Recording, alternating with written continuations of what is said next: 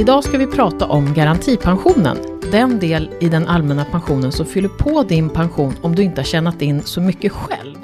Inom de närmsta åren kommer garantipensionen att förändras en hel del. Det kommer till och med kanske att byta namn om ett utredningsförslag blir verklighet. Gäst hos oss idag är Ann-Sofie Kraft Nilsson från Pensionsmyndigheten. Välkommen till oss. Tack så mycket. Berätta lite om dig själv. Vem är du? Ja, jag heter som sagt Ann-Sofie Kraft Nilsson. Jag kommer från Pensionsmyndigheten. Jag är, är, placerad på kontoret i Visby, men jobbar med utvecklingsfrågor. Så jag jobbar bland annat med alla lagförslag som nu ligger på bordet inom pensionssystemet. Åh, oh, det är alltså inte bara garantipension utan allt möjligt? Nej, det är lite allt möjligt. Det låter kul. Jag har ju dessutom äh, jobbat med pensioner väldigt, väldigt länge. Ända sedan pensionssystemet äh, trädde i kraft. Oh, det ska det vi vara rädda om. Mm. men, men vad är det här garantipension? Va, vad är det för någonting? Det är en, ett grundskydd inom pensionssystemet här i Sverige som alla får eh, om man har bott en viss tid i Sverige och man har jobbat väldigt lite och tjänat in väldigt lite inkomstgrundad pension. Hur vet man om man har rätt att få garantipension eller inte? Tyvärr så går det ju inte att göra en prognos just nu Nej. på garantipensionen, men man kan ju alltid ringa till Pensionsmyndigheten och, och fråga om man kan ha rätt till. Men bor man här i Sverige och har bott här i minst tre år, då har du rätt till garantipension. Mm. Ska vi klara ut det där med 40 år också? För det är en fråga vi väldigt ofta får. Och det är eh, speciellt om du kommer från ett annat land. Så säger jag 40 år, måste jag jobba, måste jag liksom jobba 40 år för att få pension? Men 40 år är kopplat till garantipensionen, eller hur? Det stämmer alldeles mm. utmärkt. Och det är ju för att få en oreducerad garantipension. Det vill säga att inte garantipensionens basnivå, alltså det största man kan få, minska. Då krävs det att man har bott i Sverige i 40 år. Som vuxen? Som vuxen, ja från 16 år ja. och fram till 64 året. Och om jag bara har bott här liksom 27 år då? Ja, då får du 27 40 ja. av din garantipension. Ja. Minus den inkomstgrundade pensionen du har jobbat ihop. Mm. Om vi nu ska utveckla ännu mera, om jag nu skulle vara flykting eller kommer från, alltså har skyddsbehov av olika slag, hur fungerar garantipensionen där? Mm, om du har kommit som flykting och har fått det vi kallar för flyktingstatus av Migrationsverket, så kan du ha rätt att få din hemlandstid, alltså den tid du har bott i det land du har flytt ifrån, som svensk bosättningstid. Och det innebär att du kan komma upp i 40-40 mm, genom att du får tillgodoräkna dig den tiden då, och få därmed garantipension. Det fanns ju en tant för, det är säkert tio år sedan nu, som eh, helt plötsligt, det blev rubriker i tidningen att hon hade blivit av med sin pension, för hon hade flyttat till sin son i Thailand. Det stämmer det, bra. Det var garantipensionen va? Det stämmer det, det var garantipensionen. Garantipension. Man fick inte ta med sig den till Thailand alltså? Nej, det får man ju inte Nej. då, eftersom garantipensionen bygger ju på, att, eh, på bosättning i Sverige. Och huvudregeln är att du ska bo i Sverige för att få garantipension. Och det betyder ju att flyttar du till Thailand så har du inte längre rätt till garantipensionen. Däremot så har vi ju en EU-lagstiftning som gör att vi inte kan eh, låta bli att betala ut garantipension inom EU. Och det är ju det som har varit gällande tidigare, att mm. vi har betalat ut garantipension till alla som bosätter sig i ett annat EU-land, med stöd av EU-bestämmelserna. Men det är ju nu det har börjat hända saker. Kommer vi osökt in på detta? Alltså förra året så kom det en dom i EU-domstolen som sa då att garantipensionen inte var en pension utan någonting som kallas för en minimiförmån. Och då undrar man ju, vad är en minimiförmån för någonting och varför är garantipensionen det då? Det kom ju som sagt en, en EU-dom här 17, eller, eller i december 2017. Mm. Uh, och minimiförmån är en förmån som är, garanterar en viss nivå på levnadsstandarden om man bor i det land som har en sån här förmån. Och EU-domstolen konstaterade att garantipensionen har ju ett syfte att fylla ut upp till en viss nivå på, på den totala pensionen, mm. den totala allmänna pensionen. Och därför ville man, eller bestämde man att eh, garantipensionen ska vara en minimiförmån. Ja. Och det liksom bygger ju på syftet och, och hur den fungerar. Och en minimiförmån bygger på att man räknar all tid man har varit i, ett, i, i alla EU-länderna. Mm. Så om jag då har varit 20 år i Sverige och 20 år i Finland, jag bor i Sverige idag, då räknar vi alltså de här totala tiden 40 år och så beräknar vi garantipension på den. Det vi gör också är att vi tittar på, har den här personen någon finsk pension på de här 20 åren? Och finns det en sån, då gör vi ett avdrag på det, precis som vi gör avdrag för den svenska inkomstgrundade pensionen. Och kvar blir ju då en minimiförmån i form av garantipension. Och den får du behålla så länge du bor i Sverige. För det är ju också fenomenet med en minimiförmån då. Ja, Okej, okay, så det var där det började hända grejer. För då blev alla som hade flyttat till Spanien och Finland, de blev ju jätteoroliga och tänker, nu ryker garantipensionen. Ja, det stämmer bra det. Gjorde den det? Nej, den gjorde mm. ju inte det. regeringen gick ju väldigt snabbt in och eh, beslöt om en tillfällig lagstiftning som gör att vi fortfarande betalar ut garantipension till alla som bor i ett annat EU-land. Och det kommer vi att göra hela 2020 ut. Och sen då? Ja, sen får vi ju se vad som händer och då glider vi onekligen in på nästa ämne då, eh, Ja. den utredning som nu har lagt sitt Exakt. förslag. Precis nu i början på december 2019 så har det kommit en utredning som har funderat på då hur garantipensionen ska se ut i framtiden. Och en sak som den här garantiutredningen föreslår, det är ju faktiskt att garantipensionen då ska byta namn. Den ska heta grundpension. Och då undrar man ju igen då, jaha, och, och hjälper det med att bara byta namn? Eller vad händer? Nej, det stämmer ju. Det är ju inte bara namnbytet som krävs för att Nej. vi ska få... Alltså, hela utredningen hade ju som uppdrag att titta på garantipensionen i ett internationellt perspektiv. För det tycker jag är viktigt att vi kommer ihåg, att det vi pratar om är ju egentligen garantipension för de som inte har bott i Sverige hela sitt liv. Ja, utan de som har flyttat mellan olika länder. Och de hade som syfte att se över regelverket här i Sverige kring garantipensionen, om vi ska behålla det som en minimiförmån enligt EU-domstolen, eller om vi ska göra någonting annat. Ja. Och det är ju det man nu har har lagt fram sitt förslag, att huvudförslaget där är ju att det ska vara en grundpension. Man ändrar på syftet, det ska i, inte vara en utfyllnad längre, utan en, mer som en bottenplatta, trots att den då ändå påverkas av den eh, inkomstgrundade pensionen. Plus att man inför ett, ett sätt att tjäna in rätt till garantipension som bygger på arbete. Jag förstår, så att om det här utredningsförslaget blir verklighet så krävs det någonting mer än att bara bo. Nej, det krävs antingen att du bor eller att du arbetar. Nu blir det så. Ja, nu blev det jobbigt. Kan jag få ett exempel? Ja, det kan du få. Ja. Eh, låt oss säga att eh, du kommer till Sverige i juni månad eh, från ett annat EU-land och så börjar du, eller från vilket land som helst, eh, och så börjar du arbeta. Du jobbar så att du kommer upp i en så pass hög inkomst så att du får en pensionsgrundande inkomst. Jag betalar skatt. Och ni du betalar skatt, Mm, precis, och deklarerar för den inkomsten. Då är det ju så att pensionsgrundande inkomst fastställs ju, eller bestäms ju för ett helt kalenderår. Och det betyder att hela det kalenderåret jag har jobbat får jag en fyrtiondel till grundpensionen. Istället för bara de sex månader jag faktiskt har varit bosatt i Sverige. Så Okej. det är det nya, det vill Ja. säga att du kan fylla ut 40 med tid med, med pensionsgrundande inkomst, även om du under den perioden inte var faktiskt bosatt i Sverige. Vilka är det som tar fram det här förslaget? Är det, är det ni på Pensionsmyndigheten? Nej, det är ju en tillsatt utredning av regeringen, så eh, utredaren Göran Lundahl har ju varit huvudansvarig för den här eh, utredningen.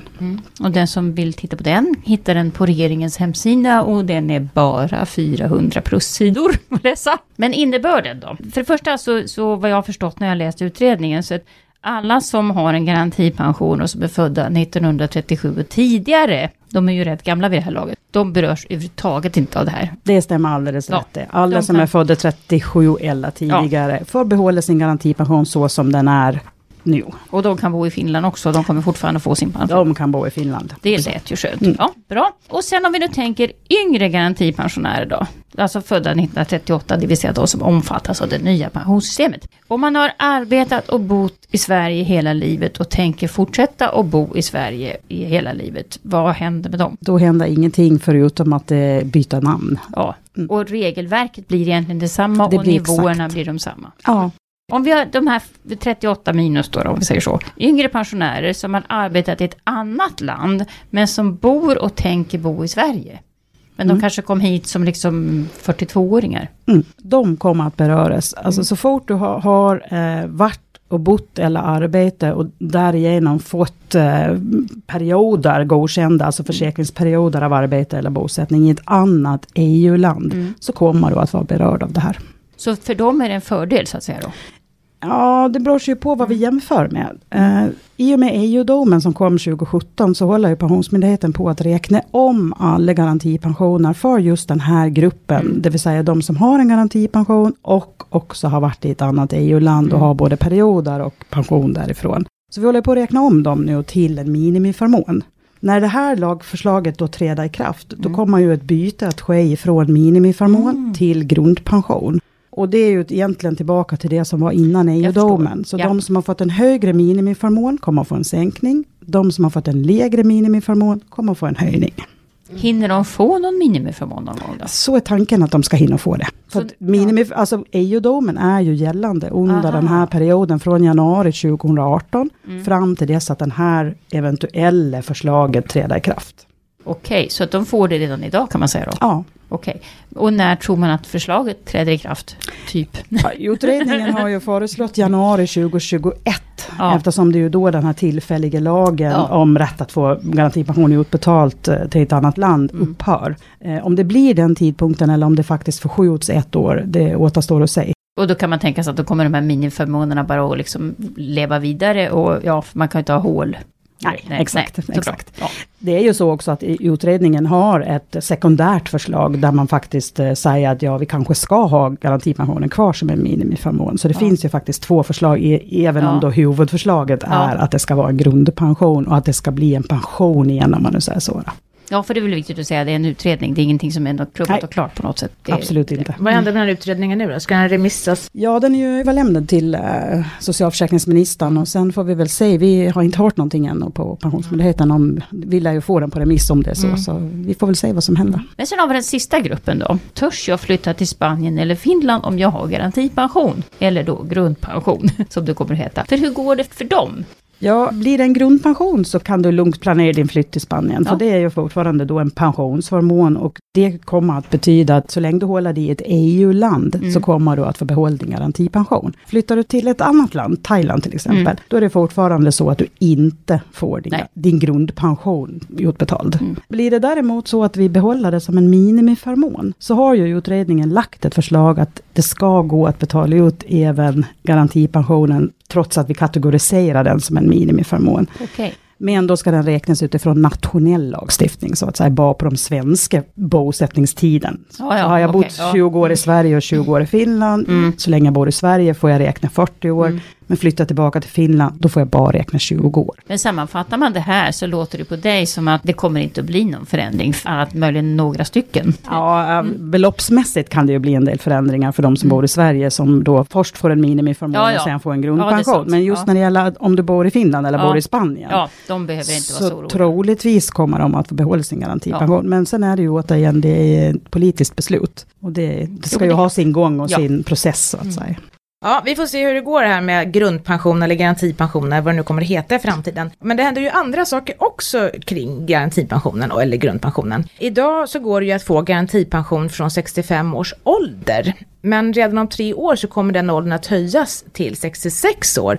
Och sen så ska garantipensionen kopplas till riktåldern. Och det innebär då att den lägsta pensionsåldern är olika beroende på när du är född och vilken förväntad livslängd just du och din generation kommer att ha. Nu blev det mycket att hålla reda på, men hur ska vi veta just när man ska gå i pension? Ja, det är en bra fråga. Eh, vi kan väl börja med att säga att vi eh, det finns ett beslut om att vi ska börja räkna på en riktålder. Det vill säga, vad är en lämplig tidpunkt att få ut grundpensionen? Alltså antingen grundpension eller garantipensionen. eh, Utifrån att vi lever så pass mycket längre idag. Så första gången vi räknar på en riktålder är i år 2020. Och den ska ju då tillämpas om sex år, det vill säga 2026. Och den kommer att vara 67 år, är, är det liksom Mm. beräknat. Ja. Och det innebär ju att det är den åldern, 67 år, som du har rätt att få garantipension. Och bostadstillägg och andra av de här grundskydden så att säga. Ja, och det innebär ju då inte, alltså det blir så många åldrar att hålla reda på, för det är en sak om du har tjänat in din egen pension i allmänna pensionssystemet. De ska ju också höja åldrarna, de ska, ju- det blir ju 62 nu från årsskiftet 2020 och sen blir det, höjs det. Eh, men, men garantipensionen kommer ju ha en högre ålder och då kan man ju säga, det, det är då staten tycker att då är du så gammal så då ska du kunna få en försörjning av staten om du inte har fått den på annat vis. Kan man säga så? Så kan man säga. Det är också, alltså, riktåldern har ju fått sitt namn utifrån att det är en riktning, att, en, en fingervisning till, till dig som då kan ta ut den här pensionen vid den här riktåldern. Att tar du ut den här pensionen så får du en pension som motsvarar ungefär det som de äldre generationerna innan det nya pensionssystemet Mm. fick i förhållande till sin lön. Ja. Och det är det som är riktåldern. Men precis som du säger så kan man ju ta ut sin egen Mm. pension som jag har tjänat in själv tidigare. Och det är ju då tre år innan den här riktåldern inträffar för dig då. Så är riktåldern 67 så kan du plocka ut dina egna allmänna, alltså inkomstpension och premiepension, så kan du plocka ut över 64. Stämmer alldeles Ja. utmärkt. Och det är fortfarande så att vi har ingen bestämd pensionsålder i Sverige, Nej. utan du bestämmer själv över din inkomstgrundade pension. Riktåldern minus 3, det vill säga Ja. 64 från och med 2026. Och därefter kan du välja själv när du vill ta ut Ja, din pension. 72 går också bra. Det går jättebra det också. Men däremot som sagt garantipensionen, bostadstillägget, äldreförsörjningsstödet, det kommer att följa riktåldern. Det vill säga 67 år troligtvis då från 2026. Ja. Och sen kommer ju den att förändras framåt i tiden. Men då precis, om jag då är född på 80-talet eller 90-talet, vad ska man ha för förväntningar? Det är ju jättesvårt att veta. Mm, då har man ju gjort en prognos på den här riktåldern. När, ja, hur kommer den att se ut i framtiden utifrån vad vi vet idag? Det är ju så att vi har, kan ju inte spå framtiden Nej. hur länge vi kommer att leva, men om man gör en prognos idag så kommer det att bli så att eh, det är 67 från och med 2026. Från och med 2035 så blir det 68. Och ifrån 2051 så blir det 69 år. Och det är så långt som vi... Det ja, är så långt som man vi har kan räkna idag. Ja. Det finns liksom ingen mening med att göra prognoser ännu längre fram Men de unga som då planerar att flytta till Spanien eller något annat EU-land och tänker inte jobba så mycket utan leva på garantipension får då vänta till 69 år. Exakt, Ja. precis så. Vilka signaler ger det här egentligen? Jobba. I Sverige? Jobbe. Ja. Nej men man kan väl sammanfatta det här som att Egentligen är det ju ingen större skillnad det här med riktåldrarna. Alltså precis som idag så kommer det att vara olika åldrar när du kan börja ta ut din pension. Fortfarande, eller som det ser ut idag kan du börja med att ta ut din, din tjänstepension. Den kan man ta ut från 55 med vissa avtal. Och sen kan man ta ut den här egen intjänade allmänna pensionen. Och så får man liksom vänta. Längst bort då kommer den här garantipensionen.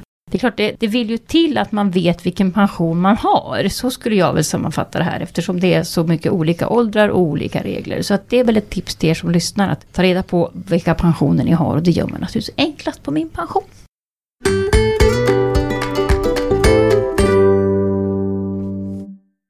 Vi har fått en fråga från en person som tidigare sparat till sin pension i en privat pensionsförsäkring. Och nu när inte det går längre så, undrar den här, så blir den här personen lite förvirrad. Banken tycker att fondsparande är bra, men hen har hört att avgifterna äter upp pengarna. Hur ska man spara till sin pension?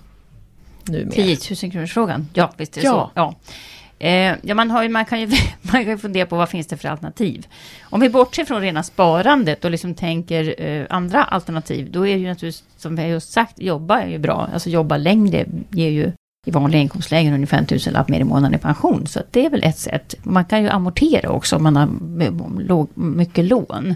Eh, nu är det väl så att räntorna just idag känns ju liksom så låga så det spelar ingen roll. Men å andra sidan vet vi ju liksom inte vad räntorna är om tio år. Eh, Så det är väl en variant. Men, men sen vad man möjligen kan säga att det kanske inte är världens bästa idé att slänga in pengarna på lönekontot. Och liksom tänka att ja, ja, de får ligga där. För att med de räntorna, obefintliga räntorna som är där, så äts ju de där pengarna faktiskt upp av inflationen. Och liksom den allmänna eh, prishöjningar och sånt som, som finns. Så att då kanske faktiskt banken har en poäng med att säga att det kanske är bättre att ta lite större risk med de där pengarna. Och kanske ha dem i en fond eller så. Eh, men vad banken inte brukar ta som, som så ofta, det är ju det här med avgifterna. Eh, Så det får man hålla li- lite koll på själv då, att eh, försök att hitta låga avgifter på dina fonder, speciellt om du ska spara i dem väldigt lång tid. Och låga avgifter, vad är det då? Ja, om det finns en fond som heter något med index så brukar det indikera att det är låg avgift på den fonden, så så kan man ju börja.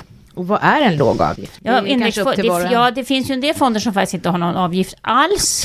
Det, kan man ju spana efter också och indexfonder brukar ha ungefär 0,2-0,3 procent av, av så att säga, kapitalet som de tar betalt. Och det är klart, har man 100 000 kronor, vad blir det? Då blir det 3 000 spänn va?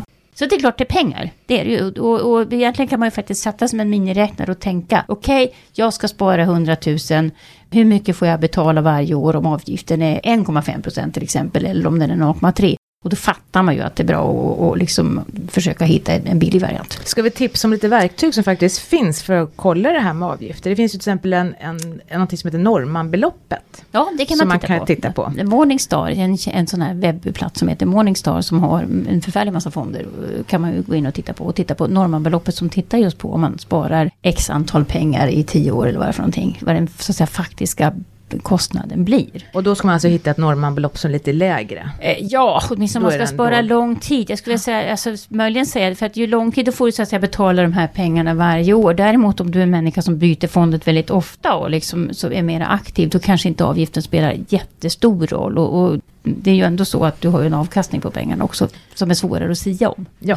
Och sen skulle vi göra ett eh, inspel på en annan bra tjänst också, som heter Fondkollen. Ja, om man vill .se. lära sig om fonder Ja. så är fondbolagens förening, de är visserligen parter i målet, men, men de har ändå utvecklat en webbtjänst som är väldigt pedagogisk och bra om du vill veta mer hur det fungerar det här med fonder och avgifter. Och Mm. De har ett signalsystem då som är med gröna fonder är, ja, Det är billiga. är billiga och bra. Ja. Och orangea kanske man ska fundera lite ett varv till på och röda ska man kanske låta bli helt. Ungefär så. Eller också inte ha så länge. Nej. Nej.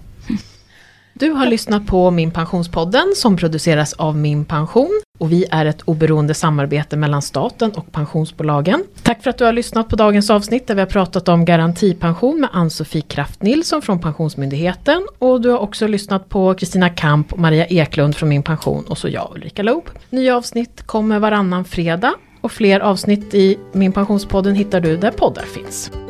Om du har tips eller förslag eller frågor eller så så kan du mejla till oss på podd minpension.se. Hoppas vi hörs snart igen. Hej då! Hej då!